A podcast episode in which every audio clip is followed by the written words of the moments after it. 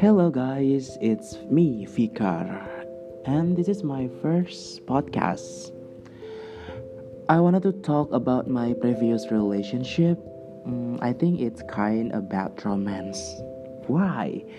Because the end of the story is a full of drama and sadness. but it's okay.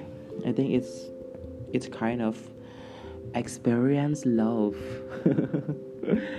uh, jadi kisah ini berawal 10 bulan yang lalu kita bertemu di Instagram and after a long conversation on the direct message on WhatsApp line Instagram atau whatever kita uh, memutuskan untuk ketemu di salah satu tempat di Jakarta.